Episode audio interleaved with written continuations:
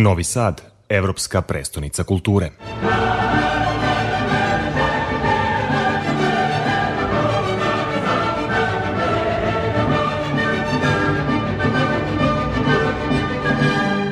Novi Sad postao je centar pisane reči u regionu, ali i domaćin planetarno popularnih muzičkih sastava poput Barcelona, Gypsy, Balkan Orkestra. Multimedijalni paviljon književnosti se obe duša traje do 13. marta. E, koji događaj će obeležiti ovu poslednju nedelju kada reč o toj zaista jedinstvenoj manifestaciji?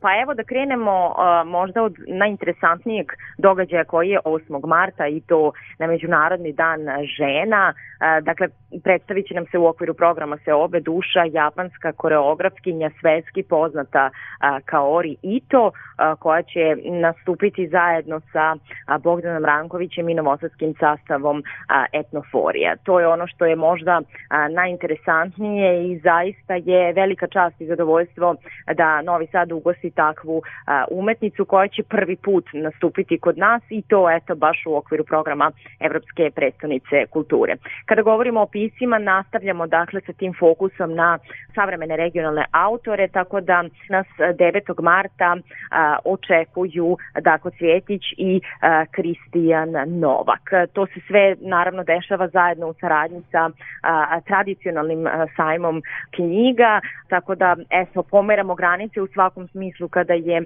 a, u pitanju organizacija ovakvih događaja, pogotovo oni koji stavljaju u fokus književnost. Kada reč o muzičkom delu programa, šta možemo tu da očekujemo? Kada je reč o muzičkom delu programa i dalje se nastavlja a, dakle gostovanje velikih a, imena. Hajde da krenemo od a, našeg domaćeg velikog imena, to je svakako a, sjajna Bilja Krstić i Bistrik orkestar koji će nastupiti 10.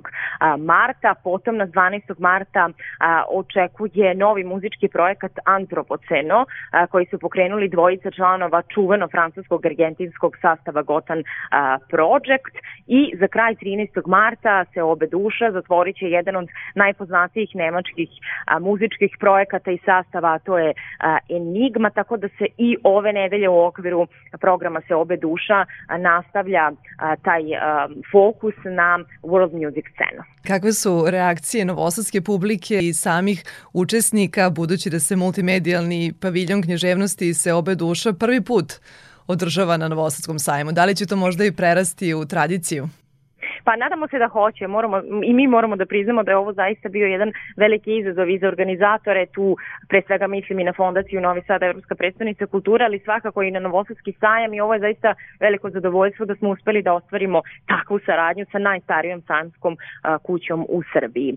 A, stoga je i veoma važno i u programskom smislu, a, ali generalno i, i kada govorimo o čitavoj kulturnoj slici Novog Sada, pogotovo u ovoj titularnoj godini, spajanje dakle tog multimedijalnog književnog paviljona obe duša i tradicionalnog a, sajma knjiga. Tako da programi su se međusobno upotpunili, a ono što je još jedan veliki značaj u svemu ovome jeste što je po prvi put ovakav jedan sadržaj, dakle multimedijalni književni paviljon, posvećen jednoj temi, a to je pozitivni uticaj migracija, temi koja je možda sada i aktuelnija nego ikad. Sve to je naravno deo programskog luka se obe koji se dešava od 1. februara pa sve do kraja marta, što je i, i još jedan kuriozitet da se zapravo Novi Sad kao možda za sada i jedini grad u ovom delu Evrope, čak više od 40 dana zapravo a, kroz umetnost i kulturu bavi temom se oba imigracije, naravno na različite načine i kroz različite umetničke izraze. Tako da je sve ovo zajedno jedan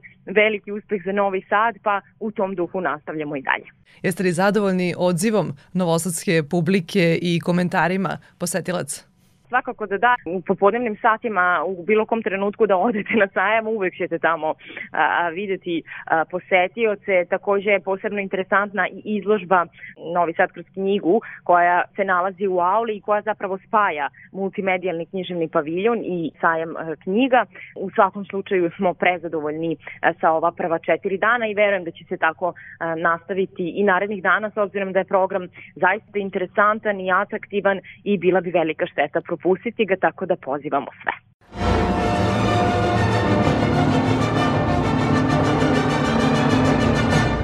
Novi Sad, evropska prestonica kulture.